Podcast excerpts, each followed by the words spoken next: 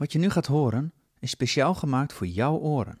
Vincent Kortman maakte dit literaire werk in samenwerking met Egbert Minema van Productiehuis Potgrond en dat in opdracht van Noordwoord. Met dank aan steun van het Nederlands Letterenfonds, de gemeente Groningen en de provincie Groningen. Sluit je ogen en luister maar.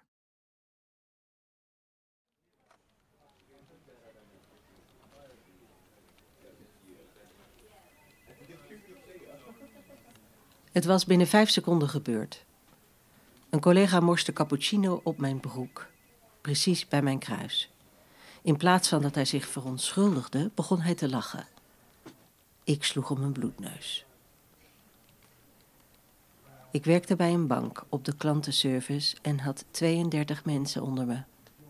Het ging niet om klanten of om service, maar om targets. Dat lag me goed. Twee beveiligers pakten mijn pasje af en bleven wachten tot ik met mijn Skoda het parkeerterrein had verlaten. En zonder pasje kom je niet meer binnen, merkte ik de volgende dag toen ik me excuses wilde aanbieden. Normaal gesproken deed ik zoiets niet. Normaal gesproken had ik meegelachen. Maar ik had al zes weken amper geslapen.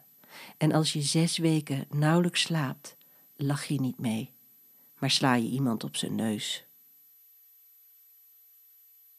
Ik was uitgeschakeld en er was geen herkansing of B-finale. Dat zijn de regels bij de bank. Als je iemand bij de koffieautomaat een bloedneus slaat, ben je af. Ook in de weken en maanden die volgden, sliep ik nauwelijks. Solliciteren was zinloos. Toen ik uiteindelijk mijn appartement niet meer kon betalen en zelfs mijn Skoda moest verkopen, besefte ik dat mijn hele bestaan aan het verdwijnen was.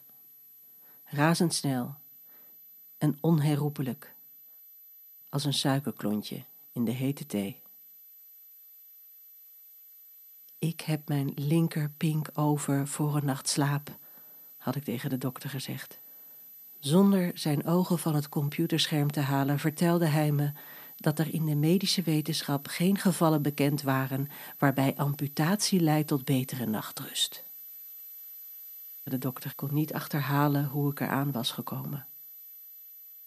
Misschien had ik in mijn jeugd te vaak naar te harde muziek geluisterd, of was het simpelweg erfelijk? Veel erger was dat hij ook niet wist hoe ik ervan af kon komen.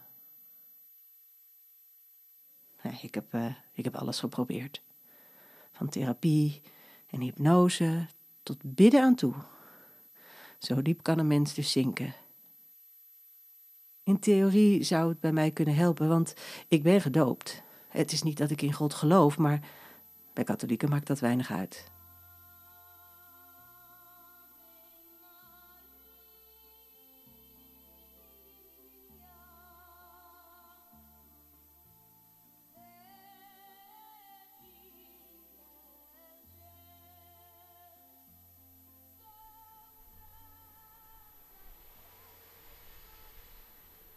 Ik kwam terecht in een sociale huurflat in de meest afgelegen buitenwijk van de stad. Een plek met vijvers en groenstroken die eind jaren zeventig op de tekentafel van een idealistische architect is ontstaan, maar waar veertig jaar later slechts het residu van de samenleving is overgebleven.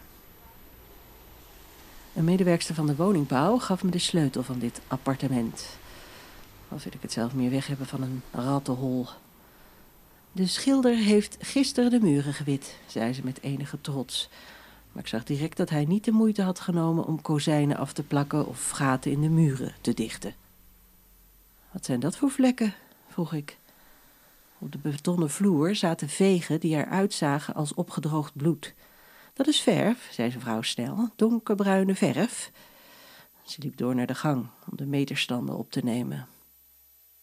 Je kunt beter een extra slot op de deur zetten, zei ze voor ze vertrok. Er zitten relatief veel junks in dit gebouw. Wat is relatief veel? vroeg ik me af. Persoonlijk vind ik één junk al relatief veel.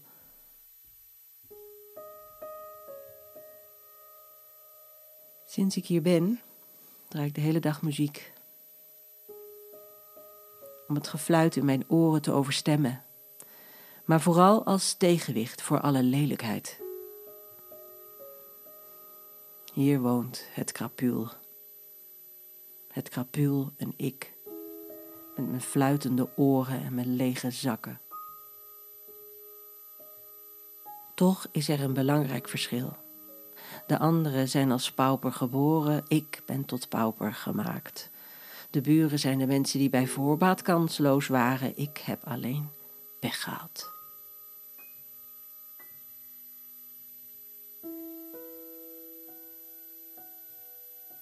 Ik observeer de omgeving vanaf mijn balkon en kom zo min mogelijk buiten. Ik heb nog steeds een kort lontje en met deze mensen wil je geen ruzie. Ik zie meisjes van 17 kinderwagens voortduwen, met een sigaret tussen hun lippen en een smartphone in de hand. Als blijkt dat de baby in de wagen niet de oplossing voor hun problemen is, krijgen anderen de schuld. Vooral de buitenlanders, en dan in het bijzonder de buitenlanders die de middelbare school wel afmaken en zich uit dit kontgat weten te ontworstelen.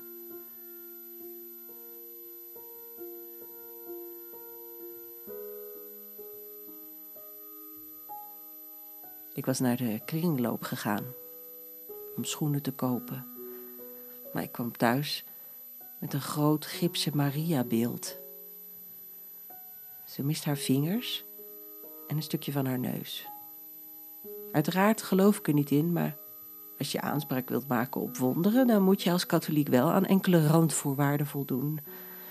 Een daarvan is het bezitten van een Mariabeeld. En dan maar hopen dat ze op een dag gaat huilen het liefst bloed.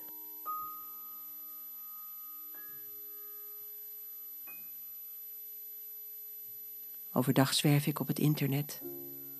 Laat me door de algoritmes meevoeren en eet witbrood met chocopasta. S'nachts luister ik naar de piep in mijn oren en de voetstappen over de galerij. Het is hier dag en nacht spitsuur. De junks en dealers op de galerij communiceren met fluitsignalen, die ik, zonder dat ik het wil, begin te herkennen. Net als de man met zijn afzakkende joggingbroek, die elke ochtend om 11 uur met een leeg bierkrat het portiek uitloopt en acht minuten later terugkomt met een volle. Elke dag opnieuw. Of de vriend van mijn bovenbuurvrouw. Een kale man met een getatoeëerd nazi-kruis in zijn nek ik hoor ze elke avond door het plafond heen. Het is ruzie of seks. Dat is het enige wat er op het menu staat. Soms is het ruzie die op miraculeuze wijze overgaat in seks en op andere momenten zijn het neukgeluiden die naadloos opgevolgd worden door scheldkononades waar een dokwerker zich nog voor zou schamen. Ik ben erachter gekomen dat de bloedvlekken onder de vloerbedekking van de vorige bewoner waren. Ik heb niet verder gevraagd.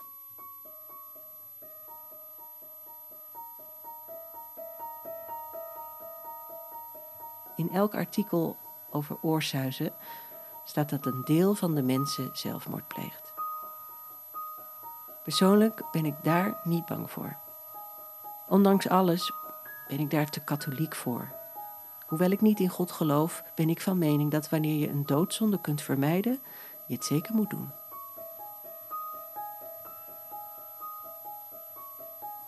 Nu zit ik met mijn gierende oren mijn lege leven in een koud huis met een Mariabeeld. Bidden doe ik niet, maar soms steek ik een vaccinelichtje voor haar aan en draai ik een liedje, zodat ze zich een beetje thuis voelt.